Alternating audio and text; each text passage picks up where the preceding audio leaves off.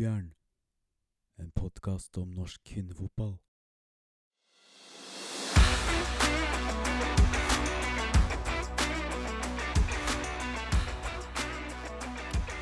Hei og velkommen til uh, podkasten Rivjern. Det er jo, som dere veit, en podkast om norsk kvinnefotball. Vi kommer ut uh, hver onsdag, og vi har innspilling i dag tirsdag 31. januar, hvor det skjer bl.a. et slipp av terminliste, som er ganske spennende. Men det som er enda mer spennende, er å ønske velkommen til Alexander Larsen. Er du med oss i dag òg? Alltid med oss. Er du alltid med mentalt òg? Ja da, alltid med. Ja, men det er godt å, det er godt å høre. Eh, og i dag gjør vi noe som vi ikke har gjort eh, før, eh, og det tyder litt Dere skal ikke få vite alt det praktiske som har skjedd, ikke skjedd eh, rundt oss nå, men vi har fått med en eh, gjest. eh, og han sitter ikke med meg, han sitter i et annet rom, men på samme bygg. Eh, Henrik Digernes, eh, hvordan går det med deg? Med meg går det veldig bra, vet du. Ja, og du skal få en liten intro òg. Um, Magnordmannen Henrik har hatt trenerverv i Skeid, Huk, Kongsvinger, Haugar, Haugesund på guttsida. Eh, Vard også, vel? Ja, Vard Haugesund. Før han ble ansatt som TSU i fart i 2019 med hovedansvar for bl.a. Mathilde Harviken og Julie Blakstad. Etter dette jobbet han et år som assistent slash toppsprudvikler i Stabekk, før han i 2022 ble ansatt som sportssjef i Røa. Er det noe feil der, Henrik, eller traff jeg blink? Traff eh, som vanlig ganske bra, Tom Arne, så jeg tror du har fått med, fått med det meste der. Ja, men det er godt å høre. Ehm, vi skal jo gjennom eh, litt forskjellig i dag.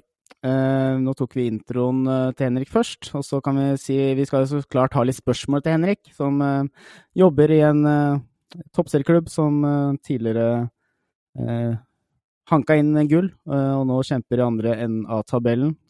Ehm, vi skal ta en titt på terminlista. Eh, Vi skal ha litt overganger inn og ut. Vi skal snakke litt om treningskamper som har vært og som kommer. Eh, Så tar vi et lite internasjonalt fokus eh, før vi skal få inn noen spørsmål. Da er det vel bare å sette i gang. Ja, Henrik. Det, vi er jo inne i et eh, overgangsvindu nå. Er det det som er det mest hektiske for en sportssjef som deg i toppserien? Jeg tror nok den eh, sportssjefrollen i toppserien blir løst på veldig forskjellige måter i de forskjellige klubba. Eh, men det er klart at i en overgangsperiode eller et overgangsvindu, så er det jo selvfølgelig mye som har skjedd allerede, og ting som fortsatt skjer. Så det er jo en del av de mest travleste periodene. Eh, det er det. Ja, du har jo som sagt jobba i Rød et, en par sesonger nå. Ehm, hvordan skiller den eh, rollen du har nå, seg fra de du har hatt tidligere, i hvert fall på damesida, i Fart og i Stabæk?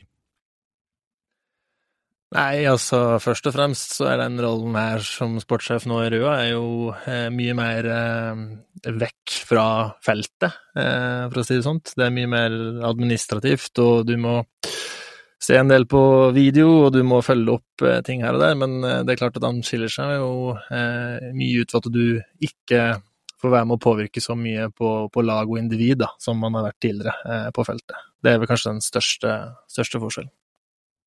Ja, hvordan passer det deg som uh, trener, person? Nei, altså det er alltids eh, fint å få innblikk fra forskjellige roller. Eh, jeg tror det er med på å gjøre at du kan være den beste versjonen av deg sjøl i, den rollen du skal ha.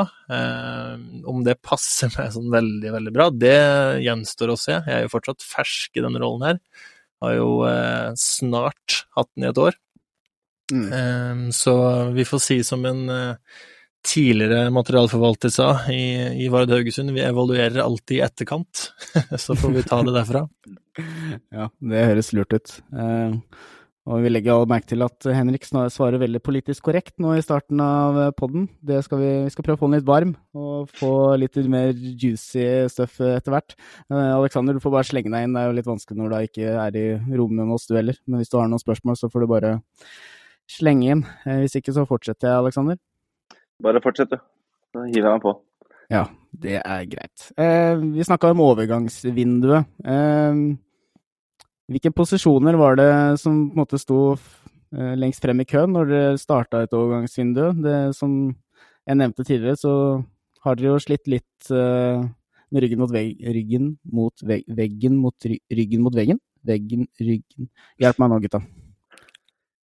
Ryggen mot veggen. Ryggen mot veggen, takk. Styggen på ryggen, ryggen mot veggen. Eh, hvilke posisjoner har dere prøvd å forsterke dere eh, i dette overgangsvinduet? Eh, vi hadde vel egentlig eh, tenkt på flere posisjoner. Eh, planen begynte vel i det sommervinduet, eh, at vi eh, da fikk forsterke oss før det berømte sluttspillet. Det er vel kanskje verdens mest omtalte seriespill noensinne. Eh, men det, det begynte vel da, at vi hadde plotta ut at det sommervinduet ville være viktig. Eh, og så fikk vi da henta litt finsk eh, sisu, som gjorde at vi Røa ble da en mer konkurransedyktig lag på, på høsten her. I tillegg at vi selvfølgelig fikk tilbake noe fra skada som hjelper på.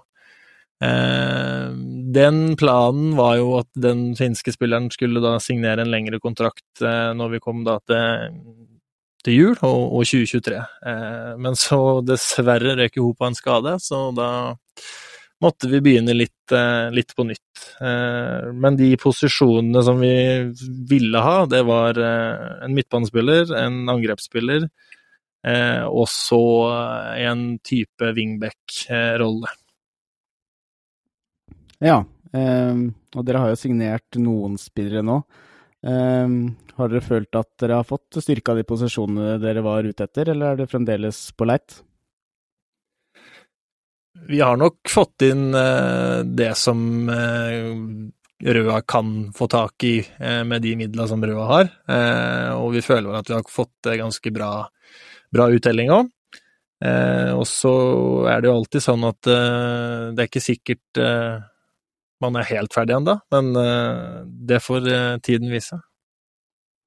Men hvordan er egentlig midlene i en klubb som Røde? Som, ja, vi snakka vel litt om det sist, at dere har vel Jeg husker ikke helt hva vi sa, men si mellom fem til syv millioner i budsjett. Da, hvor, hvor mye kan dere bruke på å hente spillere? og Sammenligna med andre har du jo Eller sammenligna med flere andre, så er det ganske mye mindre å rutte med. Hvordan jobber dere da for å finne spillere som gjerne ikke andre klarer å fange opp, da? Veldig god på panteflasker. Nei da. Eh, vi, det er riktig det, eh, at eh, Røa har ikke de største ressursene når det gjelder å hente inn spillere. Så det vil jo selvfølgelig være å prøve å finne det der fortrinnet som, man, som alle klubber egentlig søker etter, da.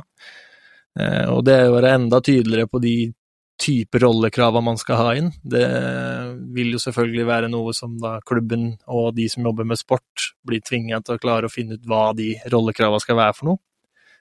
Så det er jo én del av det. Det andre er jo å finne markeder, og gjerne spillere som da eventuelt ikke har en agent som er med på å drive opp kontraktslønninger og priser. Eh, så det, er jo vanskeligere å få til, men du treffer innimellom. Eh, så har jo Røa tradisjonelt sett vært en sånn klubb som ønsker å tiltrekke seg spillere som kanskje ikke har lykkes i andre klubber før, eh, eller som må refreshe karrieren sin litt. Det har man jo eksempler på. Og så er det den siste kategorien med å utvikle eller finne da unge spillere som som man videreutvikler videre vil jeg si at uh, at dere i stor grad venter litt på at de andre klubba skal gjøre seg litt ferdig, og så kan dere se litt hvordan stallene uh, er balansert, og som du sier, at man eventuelt kan uh, hente de spillerne som trenger, som ser ut til å kunne trenge litt spilletid? Eh, både ja og nei. Eh, var ganske tidlig ute etter sesong på å finne liste med to-tre alternativer i de eh, posisjonene som vi hadde definert som trengte, trengtes forsterkninger innpå, da. Eh, det hadde vi. Eh, og så veit vi at det er andre, og selvfølgelig klubber òg, som, eh, som må ut og jakter. Eh, men òg har jo en plan ved at, eh, som du er inne på, Tom at det er noen klubber som har eh, gode og brede staller, som kanskje trenger å låne ut noen spillere når man begynner å nærme seg sesongstart. Ja, det er vel litt uh, naturlig. Uh, bra. Uh, vi har jo flere ganger i den heller. vi har ikke hatt så mange episoder, men uh, vi har noen ganger nevnt at Røa kan komme til å slite med å opprettholde en satsing som er forenbart med toppserien, siden det er liksom mange lag underfra som satser. Vi har jo nevnt det med Viking, Molde, Ålesund, Odd, de som er inne i en herreklubb. Er det noe Røa har i bakhodet når de legger en sportslig strategi framover, og hvordan eventuelt jobber dere med det? Det er eh, alltid eh, i bakhuet. Eh, det er flere flere klubber som du nevner som både nærmer seg og har mer økonomiske midler enn det Røa har, da. Og en del andre klubber i toppserien òg, for øvrig. Så det vil man jo bli tvingt, egentlig, til å, til å tenke gjennom. Og så er nok det ikke bare en sportslig eh, strategi, men det handler mye om hvordan man kan få bedra den økonomiske situasjonen. Eh, så det er ikke bare på sport, men det er også andre ting eh, innenfor marked og forskjellige tiltak som man driver og, jobber med. Og så er det alltid sånn at ting tar litt tid. Men i forhold til sport der, så prøver man å ha en enda tydeligere plan for annet de yngre spillerne, som vi var litt inne på i stad. Eh, hvor man skisserer opp eh, et løp eh, og en plan i, i større grad man, enn man kanskje gjorde tidligere. I hvert fall for Røa sin del.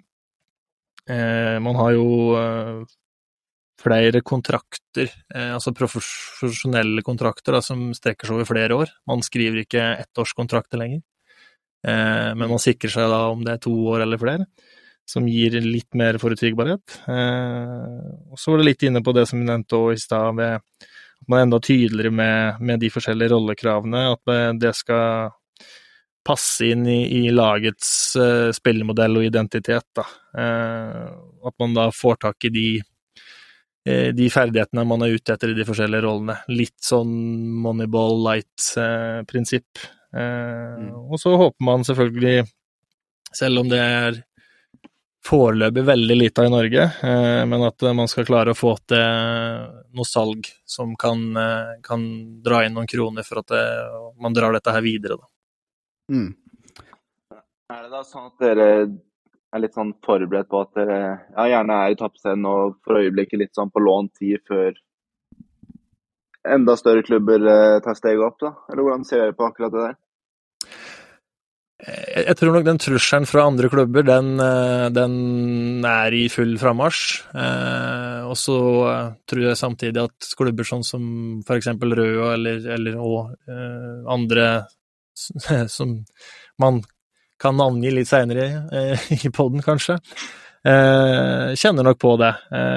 men så er det nok ikke bare det å å komme underfra og spasere opp i førstedivisjon og toppserien og tro at det skal gå enkelt. Du, du har eksempler på flere klubber som eh, nå er i andredivisjon, eh, som har hatt en uttalt målsetning om at de skal satse og komme seg opp, men som eh, fortsatt ikke har klart å få det, det ene opprykket som man søker i, i første omgang. Da. Så eh, jeg tror nok det har litt med den kompetansen og historien og det, den kulturen man har i de forskjellige klubbene òg, da. som for eksempel Røa har fra storhetstida, og hvor man nå er en litt annen type hverdag, da. Eh, men at den trusselen, den, den kommer, det, det, gjør den. Eh, og da er det jo opp til både Røa og andre sammenlignbare klubber og bruke den kulturen og den historien man har i klubben, til å ta det nye steget inn i framtida, og finne ut av de små små tinga som kan skille dem, eh, og fortsatt gjøre at de er med i det glade selskapet i Toppserien. Eh, men at det blir lett, det, det blir det ikke. Hvor avgjørende var det Røa Røa altså Hvor avgjørende var det for Røa og satsinga til Røa at det ble opprykk på direkten etter nedrykket i det var vel 2020, da? Det var nok ganske, ganske sånn prekært og, og viktig. Det var jo selvfølgelig før, før min tid, men, eh, men Mm. sånn som jeg har forstått det og fått høre fra eh, både ledelsen og styret, så, så var nok det viktig. Bra. Eh, har dere noen sportslig målsetning for eh, året? Eh, sånn tabellposisjon, eller har det ikke vært gjennom en sånn prosess ennå? Jeg tror nok eh, den tydelige tabellposisjonen, den får nok komme litt, litt seinere, men at det, det er en eh, soleklar ambisjon for Rød at man skal fortsatt være et toppserielag i, eh, i 2024. Ja, du kan vel ikke si noe annet, eh, Henrik. Eh, bra. Eh, gå litt videre til et annet spørsmål jeg hadde i bakhodet. Som vi har fått noen spørsmål fra tidligere også. Vi var litt innom det at det kommer jo inn noen nye millioner med den nye TV-avtalen. Og så prøvde jeg å snakke litt om hvordan det blei fordelt, eh, men skal jo sies at eh, jeg sitter jo ikke i de prosessene selv, så det er litt hva jeg har hørt eh, her og der. Kan du si noe mer spesifikt hvordan dette vil gagne lagene i toppserien, Henrik? Du har jo sittet i de prosessene her en Jeg har skjønt at det har pågått en god stund. Ja, altså de prosessene er vel langt over på overtid, hvis du spør meg. Mm. det, vi teller jo snart februar, og vi har jo fortsatt ikke fått noe klar eh, tekst på hvordan de her midlene skal fordeles utover eh, klubba, så, så at det er på overtid, det tror jeg det er liten tvil om. Eh, så det blir, det blir vanskelig å si sånn konkret om det blir en sånn superøkning for alle klubba i, i toppserien. Eh, fordi at det, det fordeler seg litt på forskjellige sånne potter, da. Eh, de mest sånn Hovedpottene, eller pilarene, for å bruke det begrepet, er jo at det kommer jo nå en sånn eh, prestasjonsbonus inn i forhold til plasseringa hvor du havner på tabellen. Mm. Eh, Så har du en annen pott som er produktivitet, eh, altså i forhold til spillerutvikling eh, med, med yngre spillere, som er jo veldig interessant for de eh, litt mindre klubba, først og fremst. Eh, og så har du den største, største potten som nok tar nok mest innhugg i, i disse penga som kommer inn i, i toppserien nå, da, som går på stillinger, da. Eh, så at det blir, eh, det blir noen midler, det blir det, men hvor mye det blir per klubb, det er nok litt for tidlig å si sånn helt konkret, men at man får støtte til å til for eksempel på det å investere i trenere og trenerkompetanse, det, det får man. Men det er nettopp det at man må investere noe først for å få. Og det er vel det som man har diskutert i de forskjellige toppserieklubbene nå i den siste tida, er hvor mye må man investere for å få. For det er klart at det er ikke alle klubber som kan, kan investere helt vilt. Ja, så det er der diskusjonene har stått litt, eh, i forhold til hvor mye man må investere eh, for å få noe tilbake. De ville heller, hvis dere kunne valgt, da ville jo kanskje heller hatt eh, litt friere midler. Ja, for det, det, det, er jo en ny modell som da gjelder fra 2023, og så skal den i utgangspunktet gjelde fram til 2028. Eh, men så blir det nok noen endringer i løpet av de åra sånn at man får gått dette her eh, litt ordentlig til. Eh, men fra tidligere så har man jo fått støtte og i forhold til hvordan man har levert og hva slags stilling man har. Og de stillingene er det fortsatt. og hvor det nå kommer nye, kall det litt sånne krav da, på at man skal investere spesielt i utviklingsstrukturene da, i de forskjellige klubber, som i all hovedsak er positivt og bra. Men man har jo da diskutert hvor mye man må investere for å få støtte, da. Og da er det jo blant annet på eksempel lønn da, til de forskjellige trenere. Ja, kan du gå mer i detalj på det? Hvor mye må dere investere for å Hvis man skal ansette en juniortrener, da. Eh, hvor mye får man i støtte til det, og eh, hvor mye må man investere selv? Eh, det tallet, det, det, blir vanskelig å si noe sånn konkret, for det er vel der man ikke er helt enig ennå. Eh, og der venter vi vel egentlig på svar, eller alle toppserieklubber venter vel på et svar der, da. Eh, mm. Men det som er at eh, sånn som det er skissert opp nå, så går prinsippet ut på at du hvis du har et halvt årsverk, så får du støtte til et halvt årsverk eh, i en ny trener, da. Mm. Og så Eh, går det på en måte sånn i de forskjellige trinn, da, eh, fra nivå 1 til nivå 6. Eh, og så er det også noen kriterier på hvor, på hvor de her eh, trenerne skal, eh, skal, være, og hva slags kompetanse man skal ha, da. Ok, ja.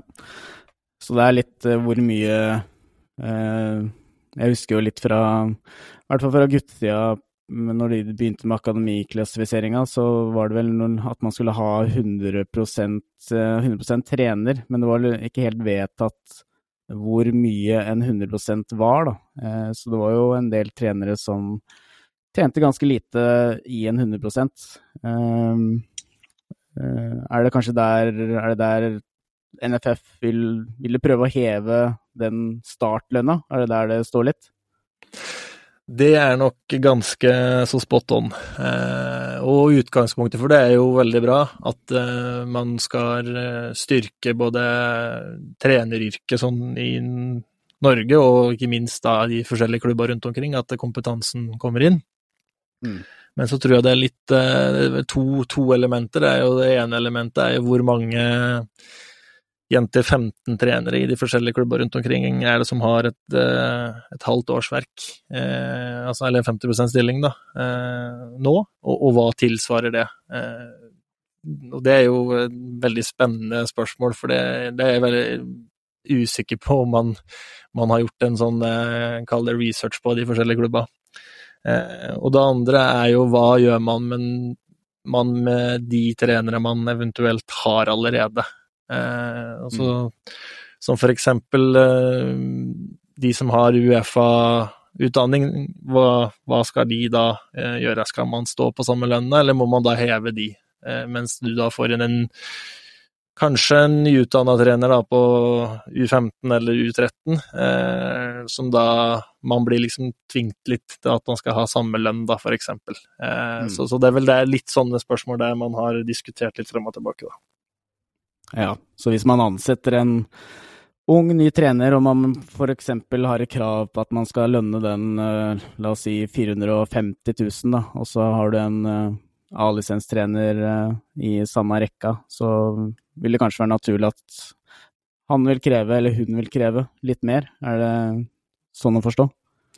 Ja, det er helt riktig. Så alt positivt ved at man skal eh, selvfølgelig lønne trenere og få styrka kompetansen i de klubba, men eh, jeg tror man må se litt på hvor rusta og hvor sterke er de klubba, spesielt på kvinnesida. Eh, og sammenligne det med, med herresida blir litt sånn som man sammenligner epler og bananer. Det er litt sånn Det blir ikke helt riktig, da. Eh, og så tror jeg det kan tvinge frem en sånn litt ugunstig lønnsstruktur, da, eh, på for kort sikt, da, på, på kvinnesida. Men det er klart, hvis det plutselig kommer flere og flere mm, bedrifter og fra næringslivet som vil spytte inn litt kroner eh, i damefotballen, så er det bare å kjøre på. For da, da er det eh, da går det an, men akkurat nå så tror jeg det er kanskje litt for tidlig til å ta det drastiske steget som, som ett av forslagene var på, i hvert fall. Ja, så det vil si at dere har ikke fått satt noe ordentlig budsjett? Dere, heller, dere avventer litt eh, endelig budsjett når man snart eh, snakker februar? Yes. Så det, det, det, er enkelt å drive klubb. så det blir litt sånne hva var det han økonomisjefen kalte det, preliminære budsjetter. Eh, og så får mm. vi eh, rette oss når vi får noe, får noe vedtak, som forhåpentligvis skjer om ikke så altfor lenge. Men det er jo ikke det er ikke første gangen at det, ting tar en litt brå vending i, i kvinnefotballen. Det, det, skjedde vel òg i forkant av den 2019-sesongen hvor man bestemte at man skulle ha to lag ned, og det var jo noen uh, svinger på det tinget der som, som, uh, som sørga for det.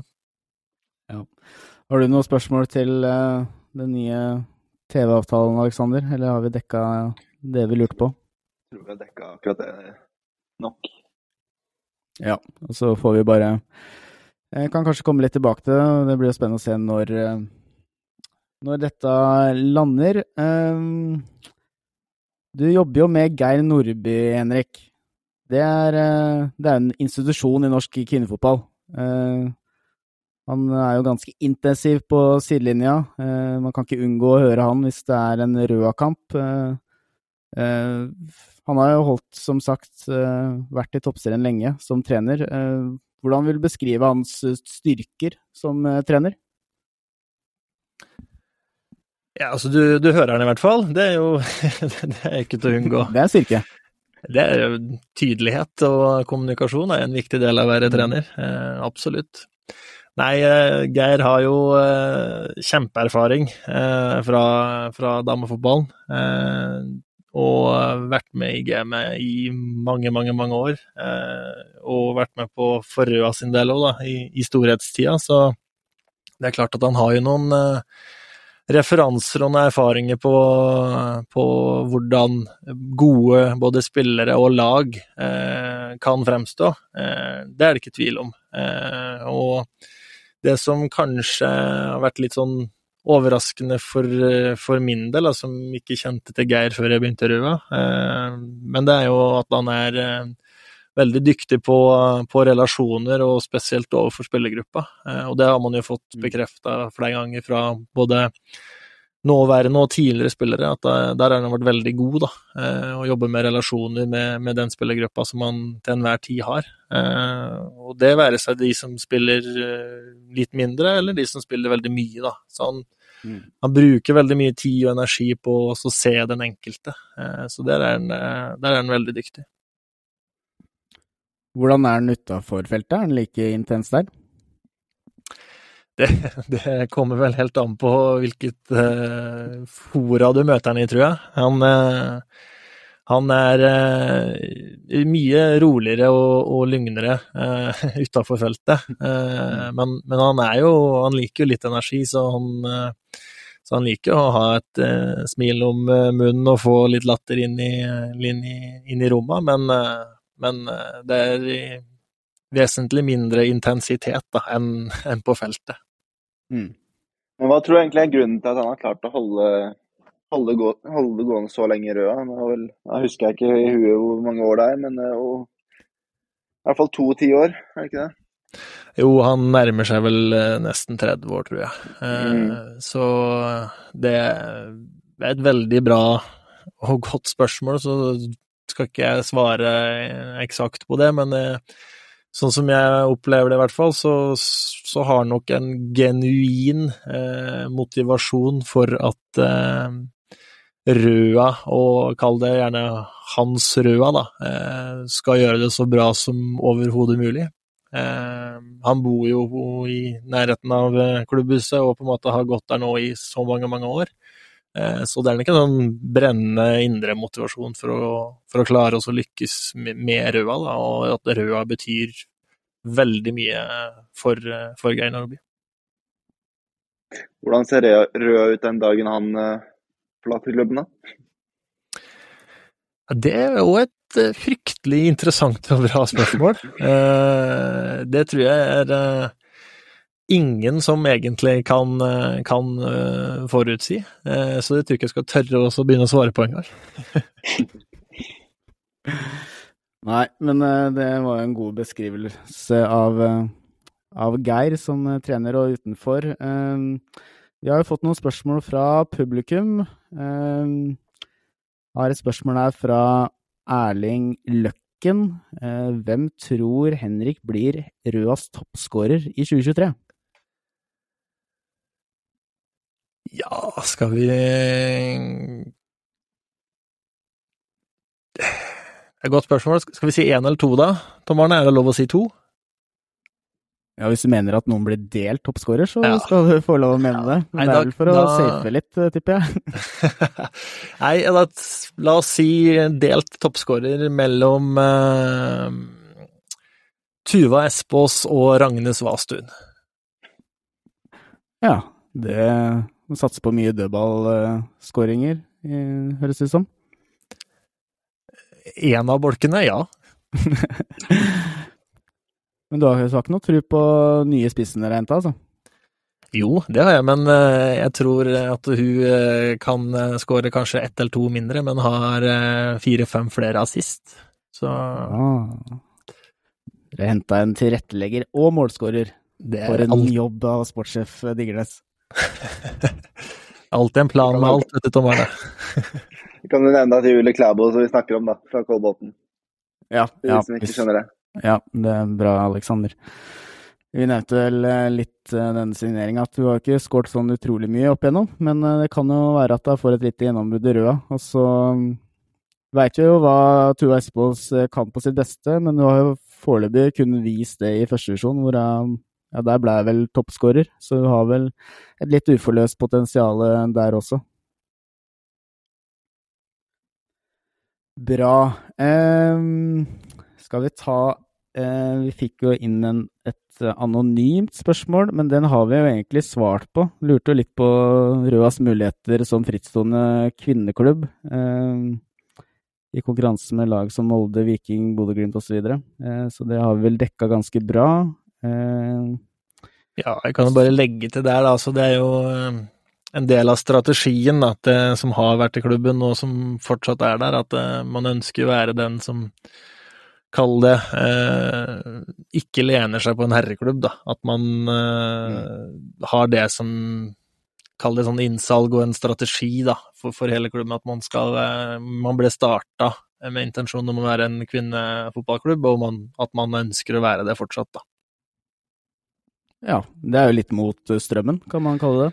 Det er vel veldig mot strømmen, eh, hvis du ser på eh, for så vidt Brann og Rosenborg og ja, de- klubba der. Eh, Så kan jo det selvfølgelig by på noen utfordringer, men man veit jo samtidig at det er jo noen nisjer i forskjellige sammenhenger rundt omkring som, som har klart å, å lykkes godt med det. Så får vi se da når vi ser inn i framtida om, om Røa klarer det samme. Det blir spennende å se. Eh, og så har det inn noen spørsmål fra Lasse Bråten. Eh, av spørsmåla så virker det litt som man kjenner deg. Kan du bekrefte det, Henrik? Aldri hørt om. Nei, men da kjører vi på, da. Jeg skal ikke ta alle spørsmålene her. eh, Det er ikke alt som er interessant for podden. Men uh, han spør annet om hva er hans beste minne fra karrieren. Uh, Da kan vi jo vinkle det inn mot eh, trenerkarrieren, da. Eh, eventuelt om det var ironisk inn mot din eh, fotballspillerkarriere. Hva er ditt beste minne i trenerkarrieren? Ja, fotballspillerkarrieren så er det ikke så mye å skryte av i hvert fall, så det kan ikke være det, nei. Det, det har du helt rett i. Eh, trenerkarrieren, ja, det Godt spørsmål igjen.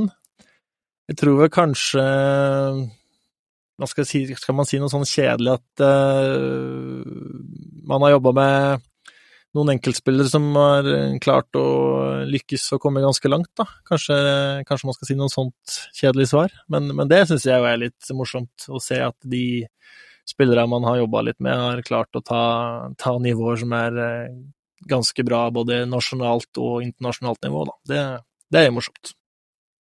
Ja, og da tenker du på Julie Blakstad og Harviken da, spesielt?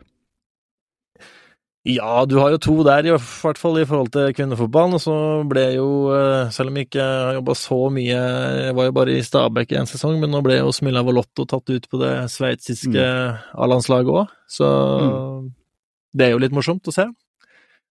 Mm. Nei, det er jo det er morsomt det, når man jobber så tett med enkeltspillere, at de faktisk eh, kommer seg ut uh, utenlands og eh, kommer seg på litt høyere nivå, og også får landskamper. Eh, Ja, ellers så kan vi jo sånn, sånn lagmessig, hvis vi skal holde oss til kvinnefotballen, da, så må det jo være to ting som To minner som, som fremstår som sterkt, og det var jo høsten Hva blir det? 2021.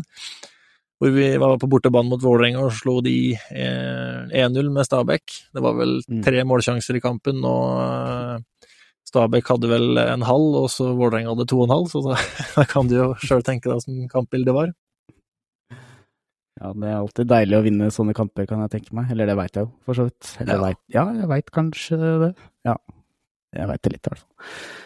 Nei, men det er bra. Jeg veit ikke om det er noen andre spørsmål her som er interessante. Um, kan jo, vi kan jo nevne litt sånn kort, da. eh, Et spørsmål tilfellet Lasse Bråten. spør, han spør om økonomien i norsk ball god nok til at han ønsker å bli værende, eller satser han på ut, et utenlandsoppdrag? Eh, og da veit jeg at du fikk tilbud fra India. Eh, var ikke det eh, i høst? Jeg kan du ikke fortelle litt eh, hvordan det foregikk? Eh, ja eh, Lasse Bråten, han har mange rare spørsmål. Eh, jo, det er riktig det, at jeg fikk, jeg fikk et eh, jobbtilbud nå, nå i høst fra, fra India, eh, som i utgangspunktet gikk ut på da å være assistenttrener for en for, en, for et herrelag eh, i Indian Super League, som er et ganske så bra ålreit nivå. Det gjorde litt sånn eh, research på det, og spurte litt forskjellige personer som har vært i India tidligere, og det, det er jo på en måte et nivå som eh, kan sammenlignes med topp Obos og kall det bunn av, eh, av Eliteserien på herresida, da. Så det var nesten, så jeg endte, med, endte opp med å takke ja til det, men timingen ble, ble ikke helt riktig denne gangen, dessverre. Så får vi se, se hva fremtiden, fremtiden bringer. Eh, men det er alltids en eh, drøm å kunne få oppleve noen trenermuligheter i utlandet, det er det. Men eh, om det skjer igjen, og hvor ofte eventuelt det skulle skje, det får vi bare vente og se. Ja, vi får bare følge med, men det var jo absolutt et spennende tilbud. Eh, da tror jeg vi skal gå videre. Da rekker vi ikke eh, et siste spørsmål, Lasse Bråten. Hvorfor du gir Spenol i gave til svensker. Vi hopper over den og tar det i en sånn litt sånn X-rated podkast litt senere på kvelden, kanskje i forbindelse med en helg. Eh, så hopper vi videre til neste punkt på eh, programmet. Eh, terminlista er ute. Eh, når vi spiller inn nå, så er den eh, lagt ut for allmennheten. Vi fikk den litt før, har våre kontakter. Eh, har ikke rukket å sett sånn grådig mye på den, men eh, vi kan jo starte med Du har sett litt på den, Henrik, sånn for Røa sin del. Hvordan uh, syns du terminlista eh, så ut? Hvordan er eh, starten deres, blant annet? Det er jo alltid viktig, sier de, å få en god start. Nei, eh, første, første serierunde så er det jo da Åsane mot Røa, eh, så den er vel for så vidt eh, grei nok. Men så skal man skru opp kaliberet en par hakk. I runde to og runde tre så møter da Røa henholdsvis Vålerenga og eh, Rosenborg. Ja, stemmer. Så det er klart at runde to og runde tre der, det, det blir vel ikke helt walk in the park, men eh, Men bortsett fra det, så ser det vel for så vidt eh, greit ut. Eh, ja. Og så avslutter man vel ganske greit, tror jeg. Eh, så det kan jo bli noe spennende oppgjør for i, i toppen der òg. I siste seriekamp så, så har du for eksempel eh, toppoppgjør mellom eh, Rosenborg og Vålerenga i runde 27 der. Eh, Og hvor Brann skal møte din gamle klubb, Tom Arne, i LSK kvinner. Mm. Det kan bli spennende, det. Eh, og så har jeg markert ut noen andre sånn så litt sånn kjapt over. Vålerenga og Brann eh, møtes i hvert fall 10. Ja, Vålerenga Brann er 10. juni, runde 14. Ehm, eh, det motsatte oppgjøret går eh, litt tidligere. Da er det Brann Vålerenga. Det er 22. april, allerede runde 5. og siden, ja, du nevner jo at det har vært LSK kvinner tidligere. Da må vi jo nevne også at Vålerenga LSK kvinner er i runde 7, onsdag 3. mai. Eh, mens motsatte oppgjør Eh, La meg se, fant jeg det? Det finner jeg ikke. Så det var jo dumt å starte på det. Jo da, her da. Vålerenga LSK kvinner 13. september i runde 20. Eh, er det noen oppgjør du har sett deg ut, eh, Aleksander? Har, du har du rukket å sett noe på det? Jeg har sett litt på det, i hvert fall. Jeg liker jo best å se på både slutten og starten, når, eh, Mm. særlig slutten når ting skal avgjøres. Og, og det skal kjempes om gull og nedrykk. og Der ser man at spesielt Vålerenga har fått, eller fått en ganske tøff avslutning med Brann hjemme i tredje siste, før de har Stabæk etter det og avslutter bort mot, Våler- nei, avslutter bort mot Rosenborg. Mm. Og det kan jo fort være det laget som kommer til å kjempe om gull, og som kanskje er den største favoritten akkurat nå. Mm. Eh, I hvert fall, ja, som du sier, som det ser ut eh, akkurat nå, så er det jo er det jo det. Så Eh, blir det jo litt spennende å se hvordan det påvirker nå at ja, fra første runde så teller jeg faktisk kampene. Det var jo det var jo Røa som i fjor var heldige med sluttspillet som ja, Det var vel to poeng etter 18 kamper. Og da ble det nullstilt, og man begynte å vinne kamper og begynte å telle. Så hva gjør man da hvis man starter dårlig nå? Hvordan reagerer man da? Det kan jo bli spennende å se. ja, eh, her må du kjøre i gang fra starten av, Henrik. Kan ikke hvile i 18 runder i år. Nei, vi Røa får vel, eh, får vel starte litt tidligere med, med poengsankinga eh, i sesongen 2023 enn hva man gjorde i 2022. Det er ikke tvil Hvor om det. hvor mye poeng eh, tror du Røa må ha for å overleve? Det er eh, Ja, det, det veit jeg vel egentlig ikke. Eh, For jeg er litt sånn usikker på hvor eh, hvordan nivået er på, på de andre klubba. Hva skiller målskårere, hva skiller de som skal stenge igjen og sånt. Vi veit jo at det er jo en del klubber rundt oss som har mista noen spillere, noen har forsterka seg. eh, Så ja, det er vanskelig å si, men eh, si ja 18 poeng og oppover kan holde. Mm. Og så ser vi jo at det er jo en ganske lang VM-pause her også, mellom runde 17 og runde 18. Eh, runde 17 går lørdag 1. juli, mens runde 18 går lørdag 26. august. Så blir det jo en ganske lang fotballferie for de som ikke har spillere involvert. Eller uansett så blir det jo en lang ferie. Eh, så det kan jo også ha litt eh, innvirkning. Så man spiller jo hele 17 runder eh, før denne pausen. Eh, så det er jo Så det er jo ganske hektisk på vårparten. Eh, det skal trøkkes inn en del kamper der. Det skal trykkes inn en del kamper, og så er det vel noen NM-kamper og sånn som kommer etter hvert der òg, så Mm. det blir eh, Det blir fint, det, å å få spille matcher. Det er ikke noe som er bedre enn det. Så kan vi avslutte bare med å kjapt gå gjennom første runde, da, som er lørdag 25. mars. Det ser ut som det som regel er lørdagskamper, og så er det litt midtuke for å trøkke inn alle kampene før VM-pausen. Men første runde, da er det da LSK Kvinner mot Avaldsnes, Lyd mot Brann, Rosenborg mot Stabøk, Åsane mot Røa og Vålerenga mot Arna Bjørnar. Og så skal det vel eh, være noen TV-kamper, så det vil bli litt forskyving av eh, både tidspunkt og dag, eh, vil jeg tro.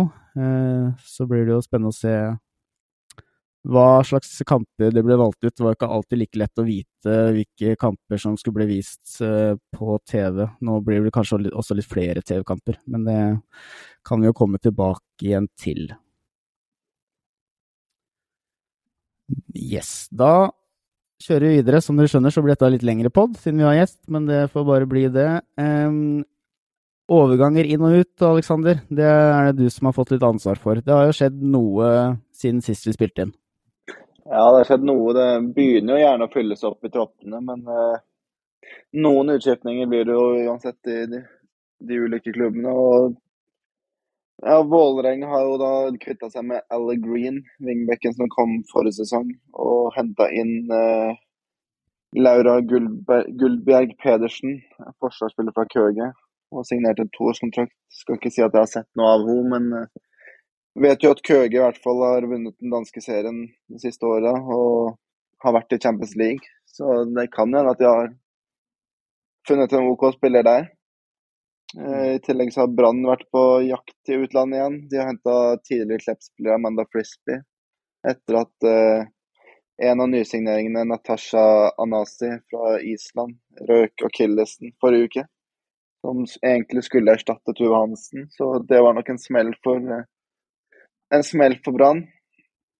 Ellers er det vel Marita Olsen som er ferdig i Rosenborg og har signert for Kiel Hemne. Og så går det an å nevne at Mimmi Løfvenius VM er tilbake i LSK kvinner etter korsbåndskaden hun fikk på Marbella i fjor.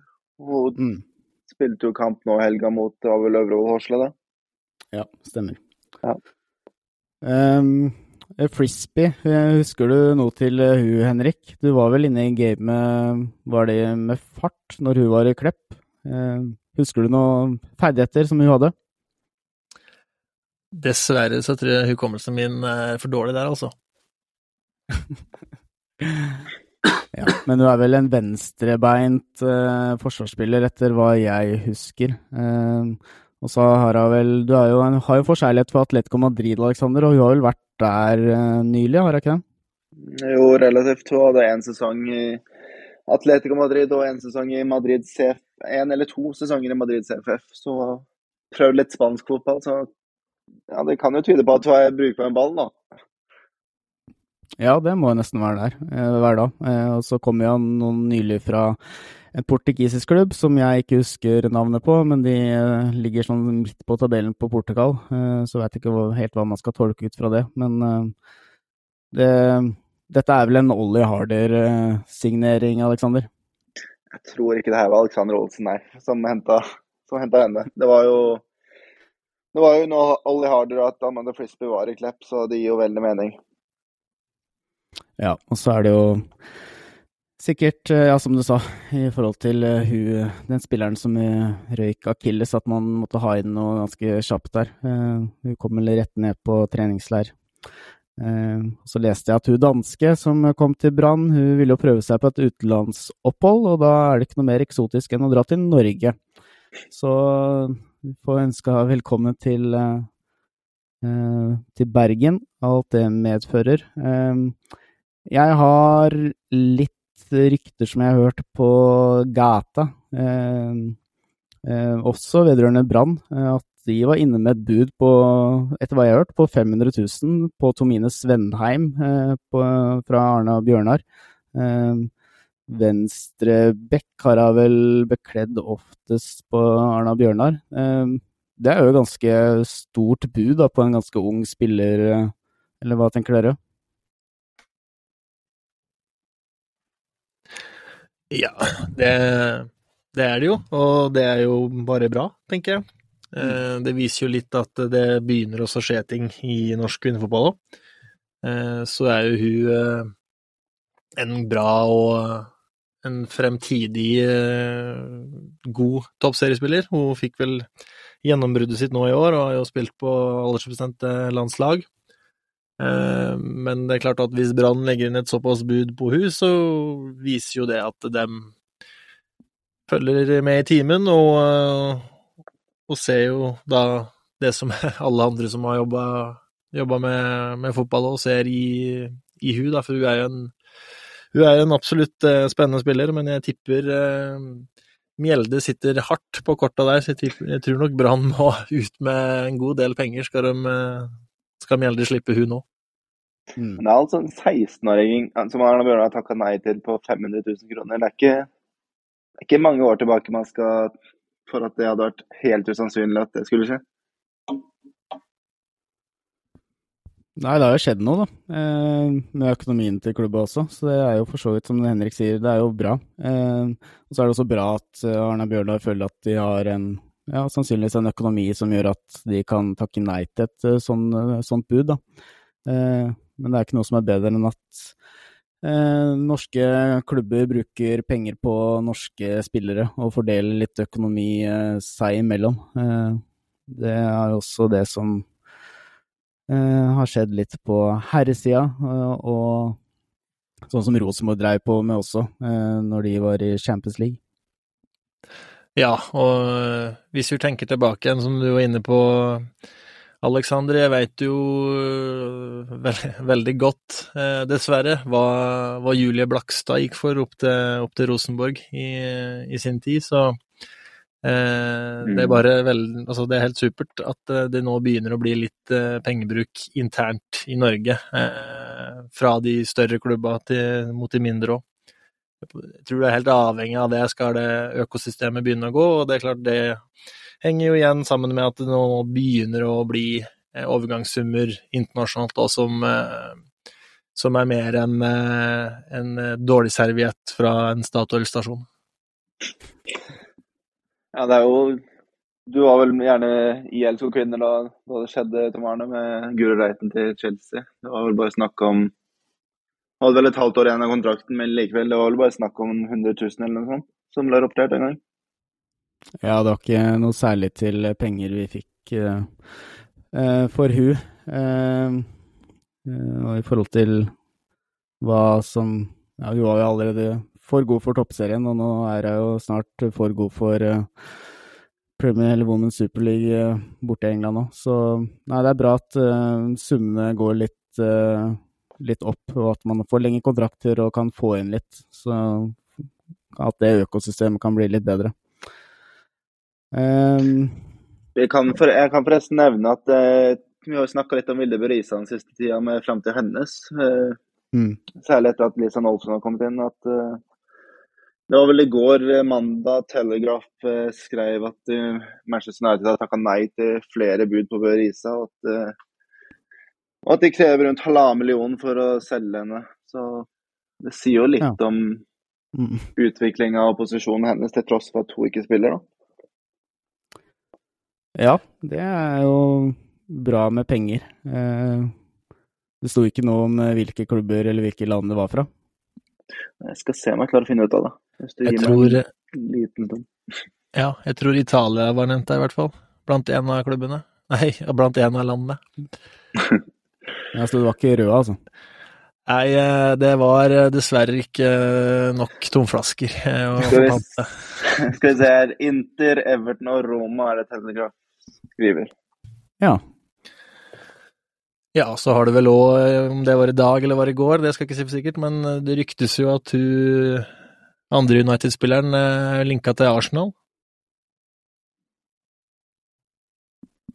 Eh, norske? Nei, hun Russ, nei, hva heter hun? Russo, er det det? Oh, ja. ja. Der leste jeg nå at jeg takka nei, at det var helt uaktuelt å selge. Og det, der var det snakk om et uh, tidenes uh, bud. Så ja. Mm, overgangsrekord der, ja. Mm. ja. Så det begynner i hvert fall også å skje litt uh, mer og mer òg. Det er jo egentlig bare, bare positivt. Så får vi håpe at det fortsetter inn i det ganske land som vi bor i òg. Ja, det er lov å håpe. Uh, ja, hvis jeg kommer til Inter eller Roma, der er vi jo norske spillere allerede. Så det blir spennende å se hvordan det utvikler seg. Det er ikke, det er ikke til å stikke under en stol at det blir jo tøffere konkurranse på midten der når Nålesund gikk til United. Så eh, det er jo et mesterskap som eh, kommer snart. Eh, og Hege Riis var vel ganske klar i sine tanker rundt det også, at det var litt eh, gambling fra Lisa Nålesund å gå til United nå, bare et halvår før eh, mesterskapet. Eh, og det sa jo Nålsund litt i forkant òg, når det var litt usikkert om han ville takke ja eller ikke. Eh, men noen tilbud er det kanskje litt for, er litt for god til å avslå. Ja, hun er jo gjerne i en alder også hvor, ja, hvor det er en av hennes siste muligheter. Så det er jo for så vidt ganske forståelig at hun tar sjansen da, når hun fyller vel 28 i år, om jeg ikke tar feil. Stemmer. Um, så så jeg at det var to prøvespillere i Stabekk. Anja Anne Rasmussen, som uh, spilte vel i fjor i Øil.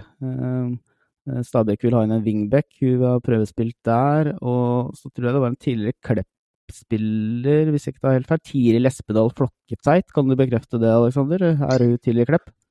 Ja, det er hun. Jeg mener hun har vært hos Stabekk i hvert fall. Så jeg vet ikke helt hva siste status er. Men ja, både tidligere Viking og Klepp har hun vært i, så hun vet jeg litt, mm. litt om sånn sett. Ja, hvilken posisjon er hun eh, tiltenkt, eller hvor er det hun er best? Det er vel midtstopper, først og fremst. Ja. Så ja, det er en god spiller, det. Mm. Ja, det blir spennende å se om eh, det materialiserer seg. Eh, er vi ferdige med overganger inn og ut, Aleksander, eller har du noe på tampen? Eh, Det eneste spørsmålet var om vi tok Alisa Walker forrige uke, eller om det var uh, i Ja. etterkant. Brann har jo signert spiss. Skal ikke si at jeg kjenner så veldig mye til henne, men uh, Ja, det var ikke så mye info å finne, finne heller. Men hun hadde vel ni mål på 23 kamper for Kalmar, som havna Mm. ganske langt ned på tabellen i Sverige, så kanskje har de Ja. en god spiss der, da. Ja, jeg snakka litt med Katrine Dahlstrøm, tidligere LSK Kvinner. Hun jobber jo litt i Hammarby. Spurte litt om hun visste noe om den spilleren.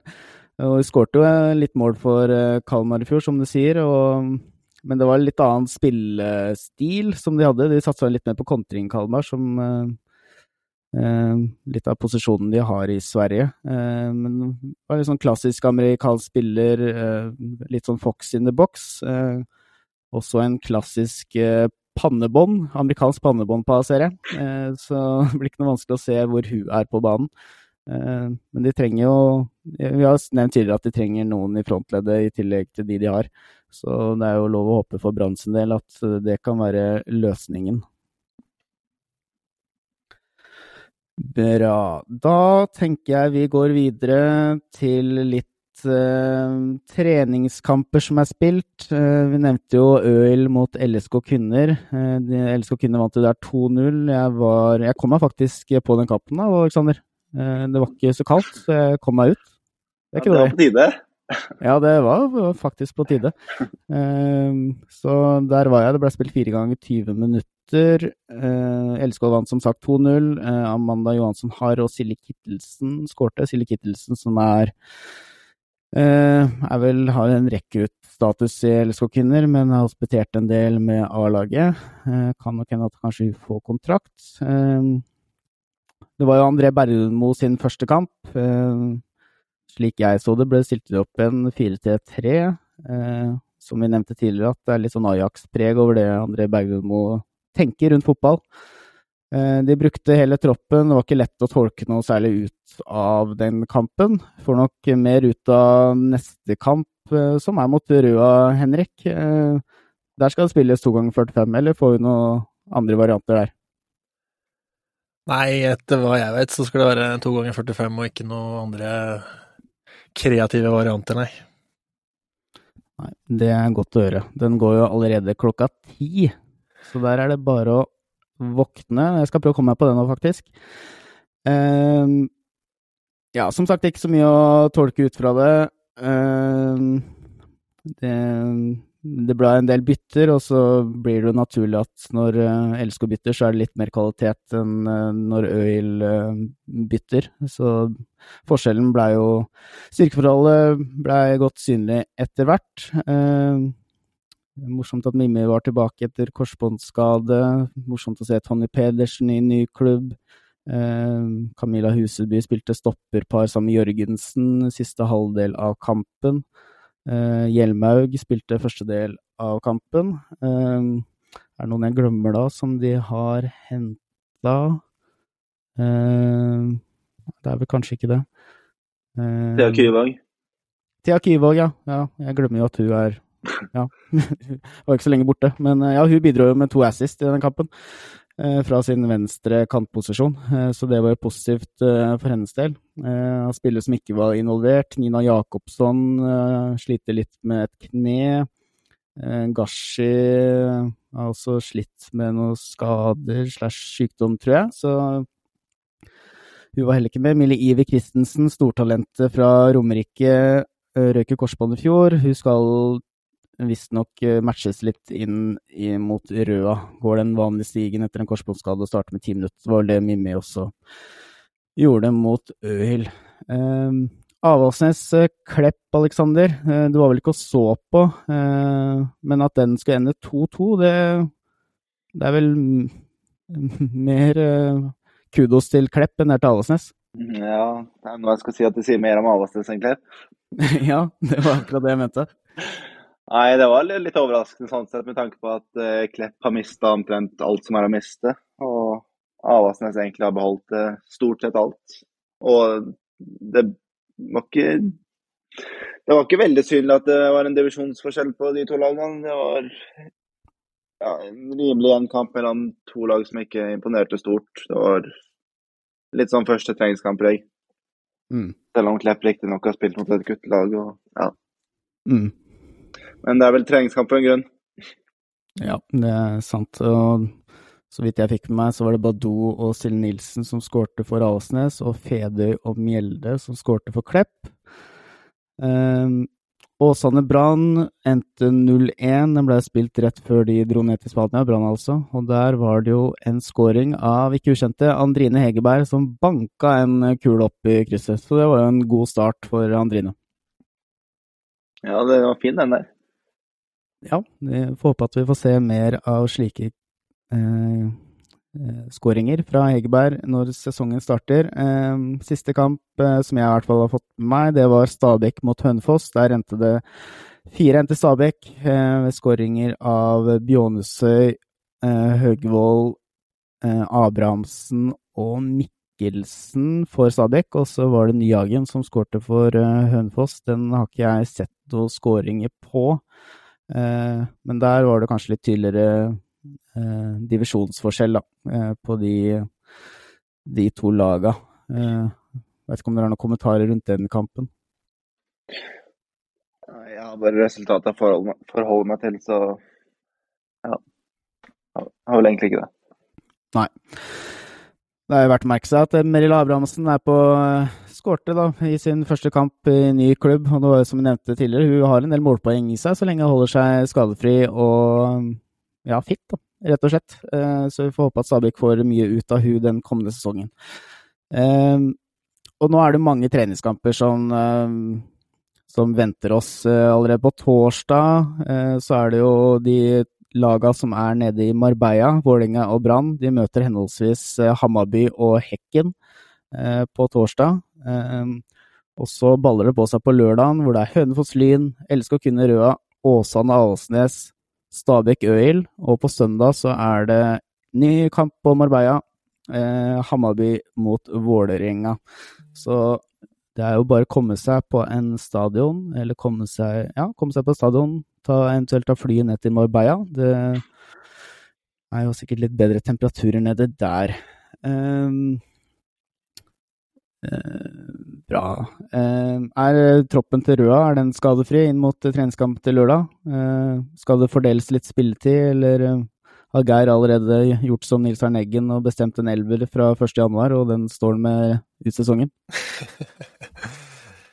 Nei, det, troppen er for så vidt ganske så grei. Vi har noen, noen, skader. Vi har noen lengre skader som vi har visst om en god stund, og så tipper jeg at det er eh, det blir nok ikke spilletid på absolutt alle, men at uh, troppen skal brukes uh, nå, såpass tidlig i januar. Så har nok sikkert Geir og trenerteamet allerede tenkt ut hva de ser for seg av en, av en startelver, men det vil nok være flere som får muligheten.